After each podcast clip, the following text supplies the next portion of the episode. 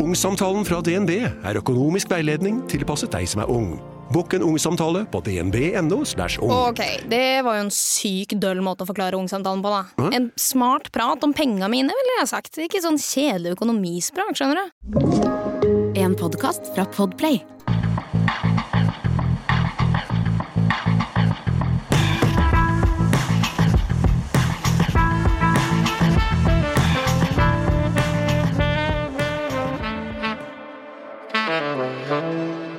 Trond Giske, velkommen til eh, denne podkasten. Takk for det. Og gratulerer med nytt verv i Trondheim Arbeiderparti. Du verden, tusen takk. Du visste at du kom til å få den eh, jobben som nestleder? Altså, Jeg visste jo at det var flertall for å velge meg til nestleder hvis jeg ønska det. Det hadde vel vært flertall for å velge meg til leder også, eh, i og med at det lokallaget som jeg er leder av, har et flertall av medlemmene i Trondheim. Så utfallet var ikke noe spenning rundt, men eh, vi prøver jo å samle laget. Så det at jeg er nestleder og er med i det lederteamet, tror jeg bidrar til at alle de ulike delene av Trondheim Arbeiderparti drar i samme retning. Hvor mye hadde dere diskutert på forhånd eh, før dette benkeforslaget kom? Det benkeforslaget kom jo fra hun som var innstilt som nestleder, og hun var jo blitt spurt bare noen timer før. og eh, ønska jo å løfte inn eh, Nidaros, og det kom jo overraskende også på oss. Så vi hadde ikke egentlig noen planer om eh, å ha noen diskusjon om det. Jeg var jo allerede innstilt som styremedlem, og for å være ærlig så er det ikke så stor forskjell. Det var noe mer kanskje ut ifra hennes begrunnelse da en anerkjennelse av Nidaros som lag, og alle de tusen medlemmene vi har fått inn. Skjønner du at eh, noen blir sinte? Nei, det skjønner jeg ikke. Er du maktperson? Ja, i den forstand at politikk handler om å få innflytelse og få gjennomført ting. Altså hvis, jeg tror det var Jens Stoltenberg som sa det en gang, hvis politikere ikke er opptatt av makt, hva er de da opptatt av? Billig kaffe i stortingsrestauranten, eh, fine reiser, eh, pendlerleiligheter. Ja, det kan jo være det. Så det var kanskje et dårlig bilde. Ja. Eh, selvfølgelig, politikk handler om å få forandre samfunnet. Skal du forandre samfunnet, så må du ha innflytelse, og det, det er makt. Eh, Olof Palme sa en gang at politikk er å ville. Eh, Og det er helt eh, riktig. Eh, politikk er å ville forandring, få gjennomslag for ting. Så det å søke makt i politikken, det er det ingenting å skamme for? Altså, det er ikke noen grunn til å skamme seg for det? Nei, man bør heller spørre hva den som ikke er opptatt av å få gjennomført ting, egentlig driver med. Har du sett Makta? Jeg har sett bare de tre første episodene. eh, Så hatt Hvorfor det? Alle ser jo den. Altså, er, det, er det et eller annet du, som skyver deg unna? Ja, det er en e- ettåring som i helga var to, oh, ja, og det er en ja, sjuåring Ja. som, som er ganske aktiv. Så eh, de ettermiddagene og kveldene eh, det til min kone her en dag, eh, gleder meg til vi får litt sånn voksentid til kveldene og sitte og se på serier og sånn, sånn om en tiårs tid. Mm. Så det er det som opptar meg om kveldene. Men makta er jo sånn at du må på en måte Nå har ikke jeg sett de siste to episodene, for jeg har vært på reise, men, men det er jo en sånn serie som jeg føler at du må se hele veien, fordi alle snakker om det. øh, Og alle podkastene handler om det. Så hvis du skal lytte på noe, så vet du hva som kommer til å skje da. Men, men er det av det lille du har sett altså, øh, Er det noe som tiltaler deg ved serien? Ja, Det som tiltaler meg, er at den er godt laga. Det, det er underholdende. Det er litt sånn The Office-humor og eh, ja, gode skuespillerprestasjoner. Eh, Det som eh, irriterer meg litt med det lille jeg har sett, da, er jo når jeg ser at det her er historiske feil. Altså, jeg har vel kanskje lest mer Arbeiderparti-historie enn de fleste, og ser noen ganger at det, det er bom da, i realitetene. Og noen ting må det sikkert være bom i fordi at det skal bli et godt manus. Men andre ting syns jeg kanskje er unødvendig. Så, men uh, igjen, en må se på det som underholdning, ikke Mm. som en historisk dokumentar. Det er, ikke, det, er ikke, det er forskjell på makta og The Crown, for å si det sånn. Selv om alle replikkene i The Crown også selvfølgelig er konstruert, så har jo de prøvd å lage seg veldig tett opp til hva som faktisk skjedde. Ja. Makta er en sånn blanding av Crown og House of Cards, har jeg tenkt. Ja, og The Office. Ja, ja. Eh, Hvem skulle spilt uh, Trond Giske i Makta? Nei, det står vel mellom Brad Pitt og Leonardo DiCaprio, Ja, vet du hva. Det der sier jeg også når noen Ja. spør om du skal spille meg i en film. Eh, vi får se. Makta sju, Makta åtte. kommer om en 20 års tid. Ja, jeg vet ikke, jeg tror ikke det kommer flere episoder, men, eh, eller sesonger. Vi får se. Skal du tilbake i rikspolitikken? Jeg har sagt at jeg er åpen for å bli nominert på stortingslista, men jeg har sagt at det skal jeg ha en diskusjon med familien min om når den tid kommer, og jeg skal høre hva medlemmene eh, mener. Så skal ta den beslutninga en gang utover i 2024, for nominasjonen er jo til høsten. Det var et ja? Det var et tja. Tja. Ja, ja. Eh, Men orker du det? Altså, du, du har jo erfart, uh, i likhet med undertegnede, hvordan det kan være å stå i stormens senter, sentrum. Det er ubehagelig til tider. Absolutt, og det har blitt uh, mye verre siden jeg ble valgt inn på Stortinget første gang, da, i 1997. Så er selvfølgelig sosiale medier noe som har endra rammene rundt det å være en offentlig person i alle sammenhenger. Eh, og du ser jo at det er en del eh, som kvier seg for å gå inn i politikken, fordi eh, den, eh, de angrepene man møter på sosiale medier, er rett og slett for belastende. Ikke bare for en sjøl, men også for eh, dem rundt en. Og det gjelder jo ikke bare rikspolitikken, det gjelder jo til og med folk som er aktive i lokalpolitikken, at de opplever det så ille at de slutter. Eh, men samtidig så kan jo ikke det egentlig forhindre at vi deltar i demokratiet. Da er vi jo på ville veier. Men, eh, og jeg må jo si også at for mitt vedkommende så syns jeg egentlig ikke at sosiale medier har vært det verste. Der er det alle ulike meninger, og det er 50-50 om de heier eller eh, angriper, og det er, det er noen sosiale medier. Alle vet at her sitter folk godt nedi rødvinskartongen av og til og skriver meldinger. men for meg har det vært redigerte medier som har vært det største problemet, særlig min egen lokalavis, Adresseavisa, som jeg til dels mener er uredelig i sin journalistikk. Og det, det, er vel det beste argumentet mot å gå inn i politikken, er at jeg tror de kommer til å gjøre ganske mye for å forhindre det. Hva er det Adresseavisa har vært uredelig med? Nei, Det er noen rekke saker. De har jo satt på et trykk eh, påstander og anklager som verken var dokumentert eller, eller sann. Og de eh, har en ensidig vinkling, bruker ensidige kilder, stiller ikke kildekritiske spørsmål til dem som kommer med angrepene sine. som har valgt seg et rollegalleri, og det holder de seg til. Det er selvfølgelig et, en avis eh, privilegium, men det blir jo et ekstra vanskelig privilegium når du så å si har monopol da, i en region. Giske gir mange klikk da, kanskje, på oppslag? Det òg, helt sikkert, men det kan jo gi klikk uansett hvilken vinkel du har på det. Du må jo ikke være ensidig i én en retning hele tida. Men eh, det har de bestemt seg for å være. Mm. Um, første gang jeg traff deg, var uh, i Tel Aviv i 1996. Jeg tror det var Tel Aviv. Da var du valgobservatør. Det var et skjebnevalg. Du var AUF-leder? 1996. Jeg var AUF-leder. Jeg var der og besøkte Labour Youth, altså ungdomsorganisasjonen til israelske Labour. Jeg var jo også på Vestbredden og i Gaza under besøket mitt. Og det var jo denne natta etter at Rabin var blitt skutt, noen måneder før. Peres hadde tatt over som statsministerkandidat. Den gangen var det direktevalg på statsminister. Det var jo ikke Knesset som bestemte statsminister.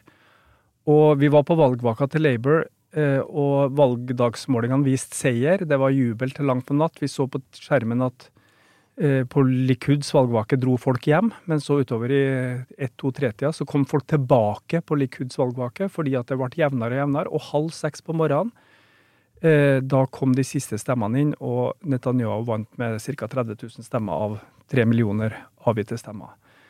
Og Den natta døde fredsavtalen. Den natta eh, kom Netanyahu for første gang til makt, eh, og drapet på Rabin hadde belønna seg for den ytterliggående terroristen, må vi nå si, som skjøt Rabin for å stoppe fredsavtalen.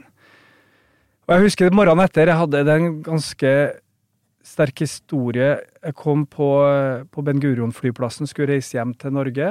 Jeg var sliten. Jeg hadde vært oppe hele natta sammen med Labour Youth-venner som var skuffa over valgresultatet. Og der kommer det jo til et sånn totimers forhør. skjønt. Hvem har du møtt, særlig når du har vært i palestinske områder? Der sto det en sånn uh, ung kvinnelig soldat som skulle spørre meg hvem jeg hadde vært i kontakt med, hva jeg gjorde i Palestina, hele den spørsmålsrekka der. og så sier jeg ganske ærlig til henne, det er kanskje sikkert litt dumt å si at jeg er veldig sliten nå, jeg tror ikke jeg orker det forhøret. Jeg har vært eh, opp hele natta og er utrolig skuffa. Jeg tror ikke det er en god strategi, Trond. Jeg er utrolig skuffa over valgresultatet. Og så skjer det eh, nesten et sånt mirakel. Altså, jeg ser ansiktet på hun kvinnelige soldaten mykne opp, og så sier jeg, vet du, det er jeg òg. Jeg er skikkelig lei meg. Og da ser du plutselig at hun er også bare et helt vanlig menneske ei eh, ung kvinne som ikke har lyst til å reise til Vestbredden og skyte på steinkastende unger eller kaste bomber over eh, Gaza. Hun har lyst på fred. Hun har lyst at folk skal kunne leve sammen. Hun har lyst på et helt vanlig liv. Og isteden så skal hun være en del av den evigvarende krigen. Eh, og det gjorde sterkt inntrykk på meg og minte meg på at vi må passe på å ikke ha svart-hvitt-bilder eh, av eh, den ene eller andre sida. Vi må ha svart-hvitt-bilde i den grad vi har det på regimene, på politikerne, på dem som holder konflikten ved like, ikke på menneskene som rammes av den på begge sider. Den eh, valgnatta var jeg på Likud sitt valgvake. Og det var, som du sier, folk var i ferd med å gå hjem, og så kom de tilbake, og så var det full jubel når Netanyahu vant. Hadde du sett for deg at 30 år etterpå skulle Netanyahu fortsatt være statsminister i Israel? Nå har det vært flere i mellomtiden, da, men Altså, det var jo få som så for seg at han skulle vinne, for da vi gikk inn i 1996, så leda jo Peres med 20 prosentpoeng. Eh, og dette var jo etter at Rabin hadde blitt skutt da i november, så sympatien var jo så til de grader på fredsavtalen og, og Rabin og, og Peres og Labour sin side. Eh, og så eh, krympa den og krympa den, og det er viktig å huske hvorfor krympa den. Det var fordi Hamas satte i gang en rekke terrorangrep sprengte busser, eh, sprengte bomber på sivile steder. Og israelerne sa nei, denne avtalen har ikke gitt oss noe mer trygghet. Tvert imot. Eh, de fortsetter som før. Så det er jo de her ytterliggående kreftene på begge sidene som bidrar til å rive ned mulighetene for fred. Og Hamas har lyktes med å rive ned muligheten for fred. Netanyahu har lyktes med å rive ned muligheten for fred, og på en måte er de jo hverandres garanti for å sitte med makta. Eh, fordi en fredsavtale og en fredsløsning hadde jo satt både Hamas og Netanyahu på sidelinja. Nå tror jeg nok Netanyahu har eh, gjort sitt for eh, israelsk politikk. Jeg tviler på at han blir sittende veldig lenge til.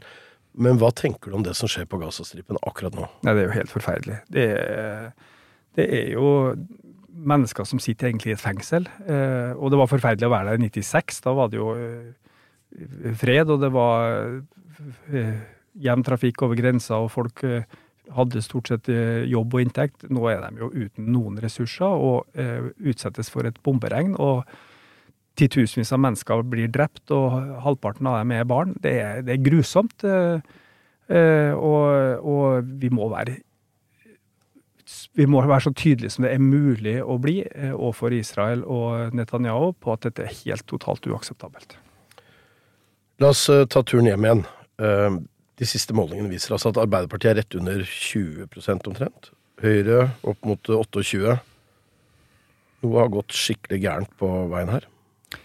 Ja, dette har jeg jo skrevet en hel bok om, eh, hvor jeg analyserer hvilke velgere er det vi har mista. Eh, det er en bok som har utgangspunkt i to ting. Det ene er jo min egen reise fra å være i rikspolitikkens senter ja, i, som nestleder i Arbeiderpartiet, til å fra høsten 2021 ikke ha et eneste verv. Så ble jeg lokallagsleder i et lag med ni medlemmer. Eh, da jeg ble leder, så ble vi 16, fordi at jeg meldte meg inn, og mora mi meldte seg inn, og et par til som skulle inn i styret.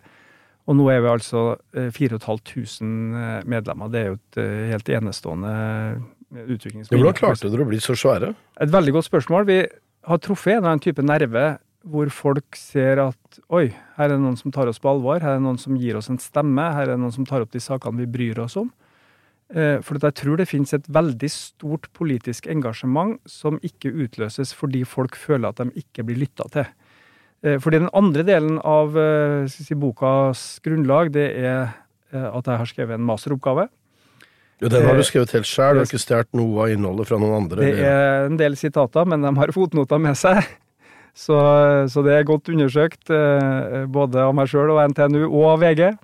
Så vi får tro at det er i orden. Jeg, eh, jeg prøvde å finne den i går, skjønner du, men den, den uh, hele ligger ikke ute. Ja, den, VG har lagt den ut, så oh, ja, okay. du, finner ja. den der. Ja, takk. men jeg vil legge grunnen og anbefale boka. Eh, verdt å slåss for. Kagge forlag. Ja. Eh, men eh, der stiller jeg et spørsmål om hvilke velgere som har satt seg på gjerdet, hvordan de her nye skillene mellom grasrot og elite, hva det egentlig handler om. Og Det bygger på en britisk eh, forfatter som heter David Goodhart, som sier at når du skal forklare fenomener som brexit og Trump, så må du se på mer enn venstre-høyre-aksen. I USA, som du kjenner godt, der stemmer jo store deler av arbeiderklassen på Trump. Eh, ved valget med Hillary Clinton så var det likt mellom Trump og Hillary blant dem med lav inntekt, og flertall for Trump blant dem med lav utdanning eller kort utdanning. Nå tror jeg på målingene at Trump gjør det enda bedre blant dem med lav inntekt. Og det han Goodhart sier, er at i tillegg til venstre-høyreaksen, så er det et skille som eh, han kaller 'somewheres anywhere', som jeg kaller nærvelgere og globalvelgere. Globalvelgerne det er dem som har lang akademisk utdanning, de har statusen, identiteten sin knytta til tittelen sin. De omgås gjerne andre med lang utdanning, høy sosial og kulturell kapital. De har ganske god råd, de bor gjerne i byene. De er ganske konservative eller høyreorientert i økonomisk politikk, men de er ganske liberale i verdispørsmål. Altså homofili, innvandring, eh, seksuell legning. Alle disse tingene som, som på en måte identitetspolitikken definerer da i, i våre dager. Så den andre gjengen det er nærvelgerne. Det er folk som gjerne bor der de vokste opp. De har også jobb, men jobben er først og fremst en inntektskilde. Den gamle arbeiderklassen? Da. Den gamle arbeiderklassen, bygningsarbeideren, hjelpepleieren, eh, også sykepleiere og lærere, i stor grad nærvelgere. Eh, uføre pensjonister. Eh, de er litt mer radikale i økonomisk politikk, litt mer opptatt av økonomisk fordeling og likeverd. Men litt mer konservative i verdispørsmål. Altså de har ingenting mot at folk er homofile, men de er litt skeptiske til pride, hvis du skjønner hva jeg mener. Altså de, og eh, det Goodhart sier da, det er at Anywhere styrer alt. De styrer mediene, partiene, næringslivet, akademia. Altså globalvelgerne. Globalvelgerne. Mens nærvelgerne, de er i flertall. Og når globalvelgerne går for langt, når de blir for arrogant eller blir for langt unna folk, så gjør nærvelgerne opprør. Og det er det han mener skjedde i brexit, og det er det han mener skjer i valget av Trump. Det er der Arbeiderparti-velgerne strømmer over til Fremskrittspartiet? da kanskje? Ja, og når jeg ser på tallene, så viser det seg at historisk så har Arbeiderpartiet hatt like stor oppslutning i begge de to gruppene. Rundt et par og 40% av nærvelgerne har en gang stemt på Arbeiderpartiet, og 50% av globalvelgerne. I dag har nesten alle nærvelgerne forsvunnet. Vi har 10% oppslutning igjen blant den halvdelen i befolkninga som du kan definere som nærvelger, og blant den fjerdedelen som er mest nærvelger, der er oppslutninga til Arbeiderpartiet 6,7% Og Dette feller jo overens også med at vi nå har hva var det målinga viste, 7% oppslutning blant menn under 25 år. Og vi har en situasjon hvor 80% av LOs medlemmer stemmer andre partier eller sitt hjem. Så det er det gamle grunnfjellet til Arbeiderpartiet som har forvitra. Hvem sin skyld er det? Det her har jo pågått over lang tid. Altså, det begynte jo allerede valget i 2001, hvor vi fikk 24% Det var jo når vi skulle være New Labour. Og da husker jeg Grete Knutsen sa på den siste regjeringskonferansen i, det, i den regjeringa som også jeg satt i, da, og siterer det i boka òg, men der har jeg anonymisert Grete Knutsen. Eh, hun sier at eh, jeg skjønner at prosjektet er å skaffe seg nye velgere, men det kan kanskje være lurt å skaffe dem før vi kvitter oss med de gamle, sa hun. Og det er litt det som er problemet vårt nå. Det er helt det er bra og det er rett at Arbeiderpartiet som et sosialdemokratisk idéparti også inkluderer akademikere, folk med, høy, folk med høy utdanning, folk med gjeve titler og stillinger.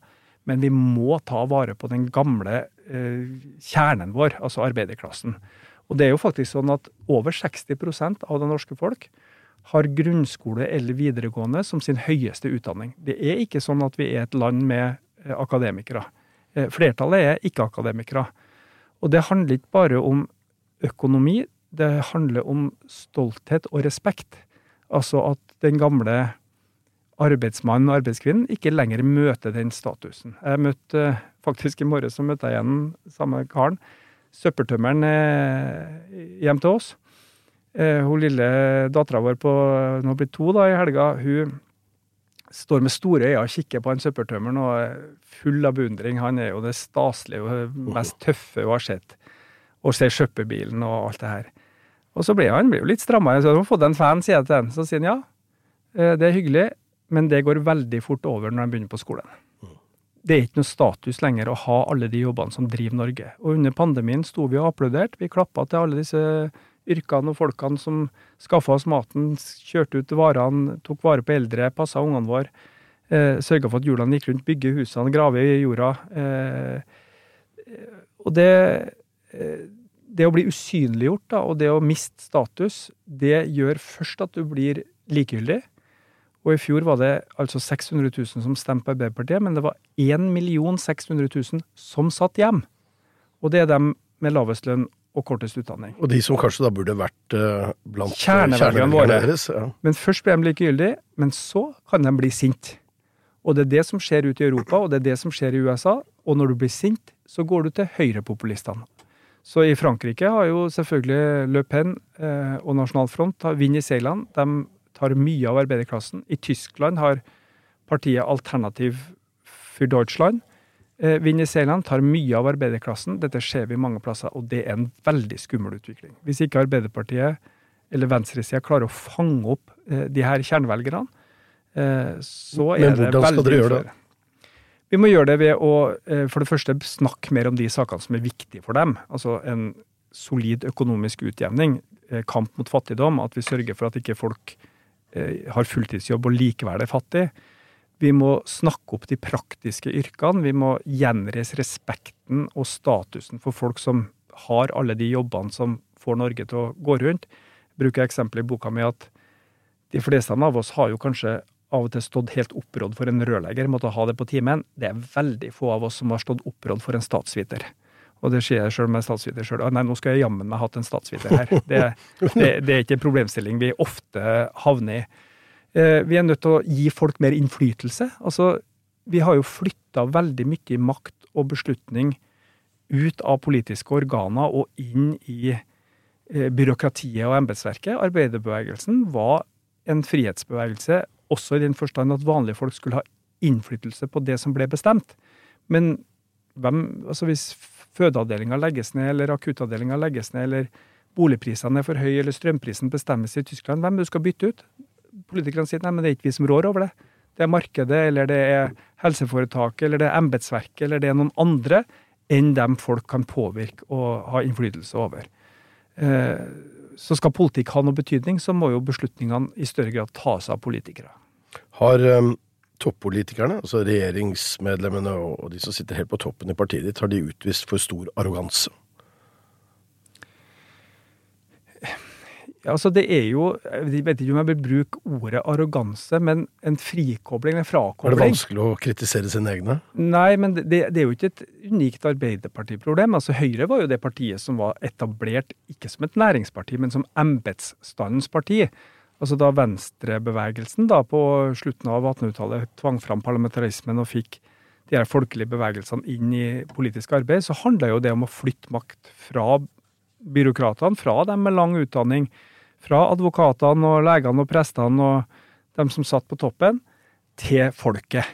Og selvfølgelig når arbeiderbevegelsen kom, så var jo det fremste argumentet mot folk som Gerhardsen og, og Håkon Lie og Oskar Torp og Trygve Bratteli og alle dem som var pionerene der, var jo at de hadde jo ingen utdanning. De hadde bare sju års folkeskole. Kunne de styre et land? Ja, sa de. Vi kan styre et land. Vi kan være med og ta beslutninger, og jammen meg styrte dem godt. De bygde den norske velferdsstaten. De hadde visjoner for hvor de skulle gå hen, og de gjennomførte dem. Og det jo det eh, Det er jo det vi egentlig har gitt litt opp, da. Eh, hvor det er igjen, da, selvfølgelig disse rådene og utvalgene som tar beslutninger. Det er folk med lang utdanning, høy lønn, bor stort sett i byene. Altså det er en snevrere og snevrere gruppe som tar beslutninger. Og dette skriver jeg også om i boka. Det er jo form for arroganse, da. Det stammer egentlig fra 90-tallet. Fordi at det som skjedde da muren falt, det var, som Francis Fukuyama skrev, the end of history. Nå var kampen mellom ideologiene, sosialismen mot kapitalismen, den var over. Den liberale markedsøkonomien hadde vunnet. Det var avgjort. Og vi fikk New Labour, eh, og både i Storbritannia, i Tyskland, delvis i Frankrike, i Norge, så orienterte også sosialdemokrater seg mot det herre liberale, markedsdemokratiske sentrum. Eh, og når da kampen om politikk forsvant, så var det jo egentlig bare å overlate til ekspertene. sant? Da fikk du eh, ulike råd og utvalg og delegering og outsourcing og New Public Management. Og da forsvant politikken. Så skjer to ting. Først i 2008-2009, hvor du får finanskrisa. Det er et alvorlig skudd for baugen for hele den markedsøkonomien eh, og den liberale modellen. Masse arbeidsløshet, problemer i hele Europa. Og så får du 2016 med brexit og med Trump, hvor folk føler at de er eh, uteglemt, og hvor den f.eks. frie flyten av arbeidskraft har gjort at veldig mange i arbeiderklassen er blitt trua av eh, sosial dumping og underbygging av arbeidsvilkår eh, osv. Og det er Thomas Seltzer som skriver det i også en glimrende bok om USA, at, eh, at velgerne stemmer med langfingeren. De, de, vil gi et signal til makta om at det her finner vi oss ikke i lenger. Og det er klart at når Hillary Clinton på eh, Waldorf eh, i Wall Street Hotel, eller hotellet i Wall Street, holder sin famøse tale hvor hun snakker om Trumps tilhengere som deplorables. eh, altså jeg vet ikke hvordan jeg skal oversette det, de forkastelige eller de altså, overflødige, så er det klart at eh, jeg tror ikke veien til arbeiderklassens eller arbeiderklassevelgerne, Midtvesten-velgerne sine hjerter går gjennom å skjelle dem ut. Jeg tror det går gjennom å ta dem på alvor, eh, skjønne hvilken situasjon de er i, både økonomisk og statusmessig, og gjøre noe med det. Det var jo det som var demokratenes historiske rolle under Franklin eh, D. Roosevelt, og, og også under Johnson som partiet som skulle bygge velferd og økonomi og en skikkelig brei eh, middelklasse, som er i ferd med å forsvinne. Men hjem igjen. Verdt å slåss for boka di. I, I, den så skriver du om uh, noen feil du mener at andre har begått. Blant annet Støre, når han uh, leflet litt for mye med Venstre, og nærmest inviterte Venstre til et regjeringssamarbeid. Ja, altså det her er valget 19, nei, 2017, hvor Hvor mye ødela det for partiet? Nei, altså det var, det var, jo flere ting som ødela i 2017. Eh, det, det, utspillet om regjeringssamarbeid med Venstre og KrF det ble jo ekstremt dårlig mottatt i særlig fagbevegelsen. Jeg tror det er mange i LO som ser på Venstre som mer fagforeningsfiendtlig enn Høyre. Eh, så det kom jo noen veldig sterke uttalelser fra LO-lederen og fra Fagforbundet og flere eh, i starten av valgkampen. Eh, så hadde vi også dette med 15 milliarder skatteøkning, som ikke er noen vinnersak. Altså, folk er villige til å betale skatt for å få noe igjen, men du må jo synliggjøre og markedsføre og presentere det du skal få igjen, og så er på en måte skatten regninga. Eh, så må du si hva du skal bruke de 15 milliardene til. Er det billigere barnehageplass? Er det bedre sykehjemsdekning? Er det en skikkelig satsing på helsevesenet? Kreft? Eh, demens? Altså, Hva er det du skal bruke pengene på? Det må du fortelle først. Og så må du ta det med betalinga etterpå. Det, det, er liksom one of one, mener jeg, i, i eh, politisk presentasjon. Så det, det, var i hvert fall to av de tingene som gjorde det vanskelig for oss da i valgkampen 2017. Er det noe du syns Støre burde ha gjort annerledes for å holde på velgerne?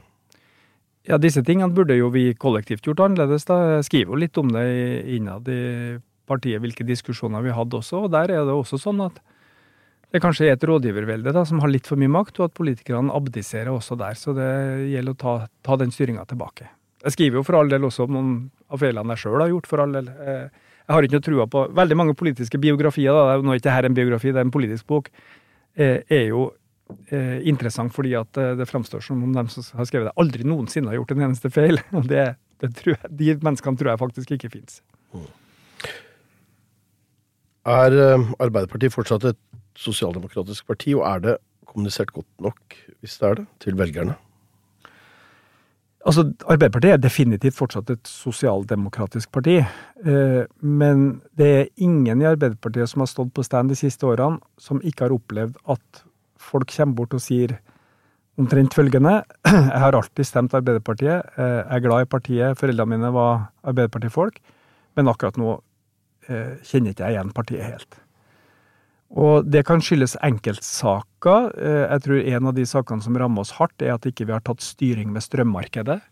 At vi fortsatt lar tyske eh, markedet bestemme prisen i Sør-Norge ved at vi har fri flyt av kraft gjennom disse kablene til kontinentet. Jo, men det har jo Stortinget vedtatt. Ja da, men eh, jeg tror ikke Stortinget eh, I hvert fall var ikke jeg klar over det. Skjønt fullt ut at ja, vi kan selge kraft til Tyskland og tjene gode penger på det, fordi at der betaler de mer for krafta. Men det sto med veldig liten skrift at da blir prisen den samme i Norge. Så, så, så dere setter dere ikke godt nok inn i saken? Nei, det, det, kan du godt si. At det burde vi ha skjønt. At ja, hvis vi skal selge kraft til Tyskland, og kraftselskapene fritt kan eh, sende dem gjennom kabler, eh, så må prisen bli den samme i Norge. Hvis du prøver å betale 50 øre i Norge, og det fortsatt kan selges for 3 kroner i Tyskland, så går all krafta til Tyskland. Hvorfor går ikke all krafta til Tyskland? Fordi vi betaler tre kroner i Norge også. Det der er, det der er helt grunnleggende økonomisk eh, kunnskap som vi burde ha, ha skjønt. Og folk har i hvert fall ikke stemt over det. Og vi snakker jo som om denne strømpolitikken var en slags solidaritet med Tyskland eller med, for all del, Ukraina. Men det er jo ikke en krone av de her pengene som går til Tyskland eller Ukraina. Pengene er jo en massiv overføring fra forbrukere og bedrifter i Norge til kraftselskaper og staten i Norge. Så det er en omflytting av penger innad i Norge i hovedsak hele kraftmarkedet. Fordi at man får lov å sette en pris som ikke er bestemt av norsk tilbud og etterspørsel, men som er bestemt av tysk tilbud og etterspørsel. Men hva er løsningen da? Altså Bortsett fra strømstøtte, som vi jo har i dag. Hovedløsninga er at du må ha en regulert handel med kraft. Eh, men nå er det jo vår oppgave å redde Europa fra en kraftmangel som følge av Ukraina-krigen. Ja da, men vi redder jo ikke Europa fra en kraftmangel. Vår nettoeksport er jo kanskje 10-15 TWh maks. EU eh, e bruker 3300 TWh i året. Det er en dråpe i havet. Om vi så setter vindmøller på alle fjell i hele Norge, spiller ingen rolle for kraftbalansen i Europa. Eh, men det det spiller en rolle for at vi har kabler, det er at prisen i Tyskland og på kontinentet blir definerende for prisen i Norge. La oss holde oss litt til uh, Ukraina. Det er jo slik at veldig mange er bekymra. Bekymra fordi det er krig i Midtøsten, det er krig i Ukraina, det er mulig at Trump blir gjenvalgt som president. Og det kan skape noen uh, utfordringer i forhold til Nato, kanskje. Men hva tenker du om krigen i Ukraina? Bekymrer den deg? Ja, Bekymrer Putin deg? Absolutt. Altså, vi hadde jo ikke trodd at vi i vår tid skulle se en klassisk invasjon av et uh, fredelig naboland. Uh, det, det, trodde vi virkelig ikke kom til å skje. Og det er en påminnelse om at uh, vi lever i en verden som ikke er garantert stabil. Vi, vi lever med at autoritære ledere skaffer seg kontroll over et land gjennom at man bryter ned rettssystemet, gjennom at man fengsler motstandere, at man tar livet av dem, ved at mediene kommer under kontroll demokratiet dør jo ikke ved at stort sett ved, gjennom kupp, at noen overtar makta eh, udemokratisk. Demokratiet dør når demokratisk valgte ledere ikke går av frivillig. Det er jo det med Putin, han var jo valgt. Eh, det er jo det med Lukasjenko i Hviterussland også, han var jo valgt. Eh, det var jo med Hitler òg, det. Han var valgt. Eh, men så gir man ikke fra seg makta. Man får den, tar den, tar over kontrollen, avvikler demokratiet. Jeg tror ikke ja, Putin ble valgt første gang i 2000. og ja. Han fikk uh, makta da. Han var jo, han var jo Vestens håp. Ja. Han var jo Jeltsins favorittkandidat fordi man skulle holde kommunistene unna. Uh, så uh, av, av, av, famous last word så tror jeg den kommer ganske høyt opp på, på lista. Men jeg tror ikke Putin er så gæren at han tør å gå til angrep på et Nato-land. Altså, vi har, har Russland? 150 millioner innbyggere. Eh, vi har 500 millioner i Europa, vi har 300 millioner i USA. Vi har en økonomi som er mange mange, mange ganger så stor som Russlands økonomi. Vi har bedre teknologi. Det er sjanseløst. Det er... Og Putin, eller Russland, har jo vist nå at de ikke er i stand til å utføre alt de ønsker på slagmarken. Altså et land som... De har mistet så utrolig mange soldater. Vi snakker om flere hundre tusen. Nettopp. Og et land som da ikke klarer å ta Ukraina, skulle de prøve seg på Nato. Det, det vil være fullstendig galskap. Men det er klart, den aksen Russland-Kina, den er skummel. Kina er et land med 1,4 milliarder mennesker. De har en større og større økonomi. Det er bare et tidsspørsmål før BNP i Kina går forbi USA. De har teknologi.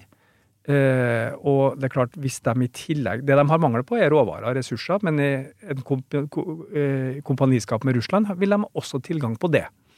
Så dette er en mye større utfordring. Og med det som nå skjer på eh, autonome våpen, robotisering, kunstig intelligens og det våpenkappløpet som ligger også i, i aksen der, jeg mener det er, det er veldig skremmende. Fordi terrorbalansen mellom Sovjet og USA, som bygde på liksom at du bruker ikke atomvåpen fordi da bruker vi atomvåpen, og da dør vi begge to, og det er en fryktelig dårlig idé den kommer i en fundamental ubalanse når den kunstige intelligensen og robotiseringa overtar, fordi at da må beslutningene tas så ufattelig fort.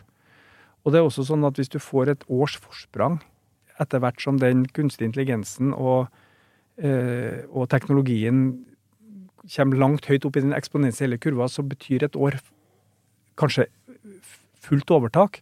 Skal du da bruke det overtaket, eller skal du vente på å se om kanskje motstanderen kommer og passerer deg?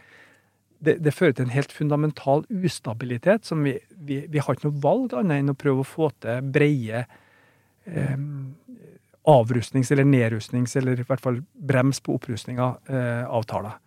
Eh, fordi at det våpenkappløpet der, det kan komme ut av kontroll. Men akkurat nå er det ikke noe klima for å inngå de store avtalene.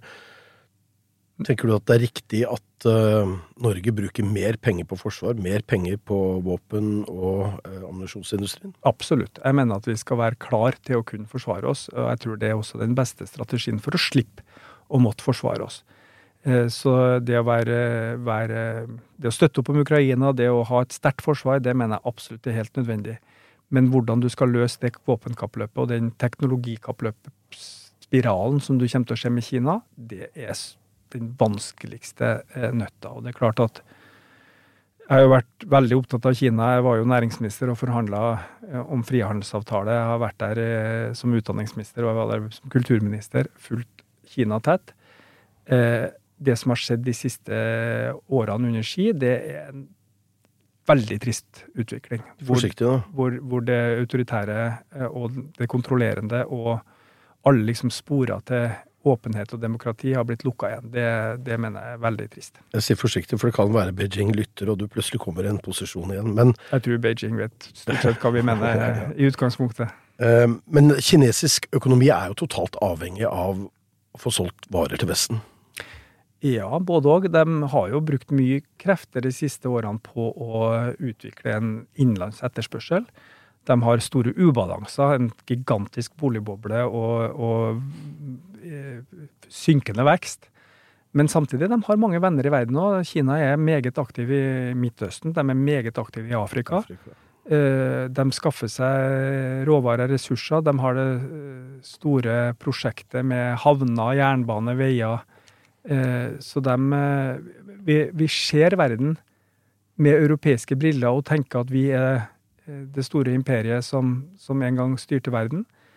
Eh, Afrika er den verdensdelen som vokser raskest. Eh, de eh, kommer til å ha stor andel av eh, ungdom og framtidas befolkning. Eh, og det er ikke sikkert at de er så opptatt av hva Europa mener. Vi ser det allerede i Ukraina-krigen, hvor verken Lula i Brasil eller uh, Sør-Afrika eller andre land er like opptatt uh, som oss uh, av å si at dette er uakseptabel og en krenkelse av et annet lands frihet og uavhengighet. Det er noe tettere på oss. Donald Trump kan bli president igjen. Vi overlevde jo første runde. og amerikanerne overlevde første runde. Men det så ut til å være på en hippe, i hvert fall 6. januar 2021. Det er jo, det er jo det er det som er Altså det er mange ting som er veldig trist hvis Trump eh, vinner valget igjen. Det ene er at jeg tror at det han på en måte lover arbeiderklassevelgerne i USA, bare vil forverre seg. Altså at det blir dårligere eh, velferdsordninger, det blir dårligere inntektsutjevning, det blir eh, større polarisering. Det andre er at klimapolitikken vil stoppe helt opp. Det så vi i forrige periode, og vi ser, vil, vil se det i, igjen. Eh, og det tredje skremmende scenarioet er jo det her med det som skjedde da eh, de storma Kongressen. Altså hvor, hvor, langt var de villige til å gå, jeg vet ikke, men at det var et forsøk på å stoppe resultatet av et demokratisk valg, det er jo ganske åpenbart. Nå har han skaffa seg et godt flertall i Høyesterett. Han har utnevnt, eh, han rakk vel å utnevne tre dommere. Så vil på en måte rettsapparatet og resten av systemet i USA tåle eh, å holde under kontroll en ny Trump-periode. Jeg håper det. Det viste seg i forrige periode at det apparatet var sterkt. Eh, at du hadde et eh, rettsapparat, du hadde en kongress, du hadde på en måte det checks and balances da, som de snakker om i USA, som, som holdt mål. Men jeg syns det er veldig skremmende. Hvordan har egentlig denne reisen fra toppolitikken og ned på lokalnivå vært for deg? Bortsett fra at du har fått mer tid til familie og barn, og skrevet bok og masteroppgave, som jeg har skrevet helt selv. Med fotnoter? Med fotnoter, ja. Eh, eh, det mest interessante er at jeg trodde da jeg satt i rikspolitikken, at avstanden mellom politikere og folk i Norge var ganske kort. For jeg reiste jo rundt. Jeg møtte jo folk. Jeg var jo på bedrifter, jeg møtte organisasjoner, jeg var på medlemsmøter. Jeg tenkte OK, vi snakker sammen, jeg får innspill, eh, og, og, folk blir lytta til. Da jeg var helt ute av det sjøl, eh, slutta liksom å begynne dagen med Politisk kvarter og, og avslutte med Kveldsnytt, altså var litt, jeg fulgte nyheter sånn som folk flest følger nyheter. Og så får jeg disse mange tusen medlemmene i Nidaros, så oppdager jeg at Det er tvert imot sånn at folk føler en enorm avstand. Og da jeg gjorde masteroppgaven min, så var, brukte jeg noen undersøkelser på folks holdninger. Eh, det var sånn batteri av 15-20 spørsmål som folk skulle si om de var enig i eller ikke. Og det spørsmålet som fikk høyest score på at folk var enig, det var et utsagn om at dem som bestemmer, bryr seg ikke om meninga til folk som meg. Og du kan tenke at kanskje kjernen i det bryr seg ikke om, det er selvfølgelig en kjerne, men folk som meg tror jeg er kjernen. At de føler at folk med vanlige jobber, folk med et vanlig liv, folk som ikke har en flott tittel, ikke sitter i de riktige kretsene, ikke har en lang utdanning, at deres mening er mindre verd. Eh, at folk egentlig er ja, litt uvitende, kanskje litt fordomsfulle, eh, ikke trenger å lyttes til. Og det er en veldig farlig tankegang. Eh, og jeg, når jeg tenker etter, har møtt den mange ganger også. Møtt den i rådgiverkorpset, møtt den i embetsverk, møtt den i, i, ulike sammenhenger hvor liksom Ja, men folk har jo ikke noe greie på det. Eh, møter litt i forbindelse med årsmøtet i Trondheim Arbeiderparti, og at liksom, ja, men det er medlemmene, nei, de stemmer de vet jo ikke sjøl hva de stemmer, de gjør bare som, som lederne sier. Nei, de gjør ikke det. De er ekte, engasjerte, meningssterke folk. Så du vil anbefale andre politikere i rikspolitikken å komme ned og føle litt på gulvet litt av og til? Ja, jeg tror i hvert fall at man må spørre seg hvorfor denne store politikerforakten og avstandsfølelsen Uh, og hva kan vi gjøre med den? Og jeg tror den eneste vaksinen mot uh, ekstremisme og avmaktsfølelse, det er deltakelse og involvering.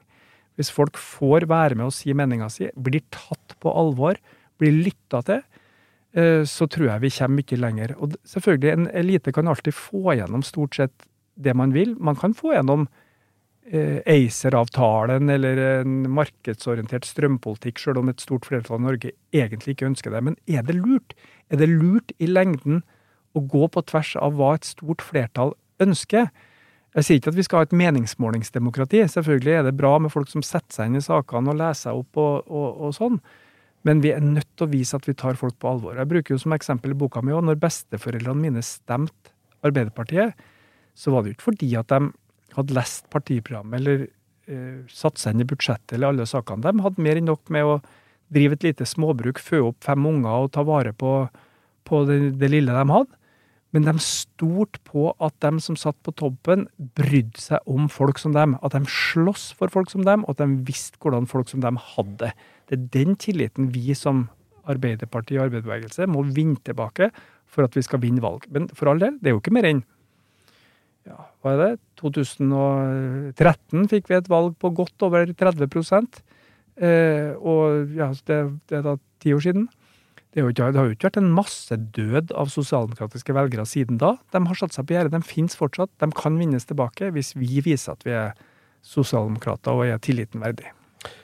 Det har vært en rekke politiske skandaler, massiv mediekritikk av enkeltpolitikere, som deg selv.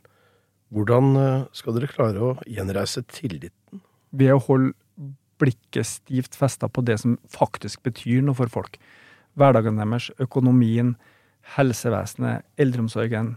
En skole hvor ikke 12 000 ungdommer detter ut uten fagbrev eller studiekompetanse hvert eneste år.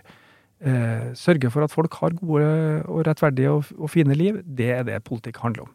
Eh, det var skandaler under Gerhardsen, det var skandaler under Gro, det var skandaler under eh, Jens. Eh, og det er selvfølgelig aldri bra.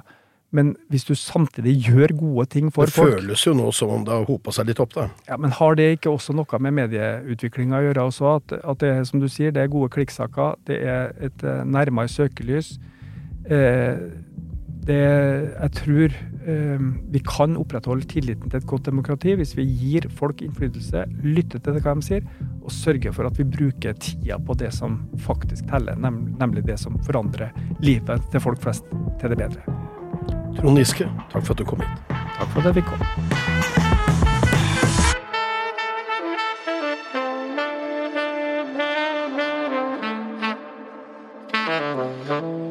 Du har hørt en podkast fra Podplay. En enklere måte å høre podkast på. Last ned appen Podplay, eller se podplay.no. Nå lønner det seg å hamstre påskekosen hos Ark. Ark inviterer nemlig til påskefest med skremmende bra nyheter, pocket fra 99 og 40% på alle spill og puslespill. Ark-påske betyr rett og slett mye påske for pengene. Så fyll opp med påskens favoritter i nærmeste Ark-butikk eller på ark.no.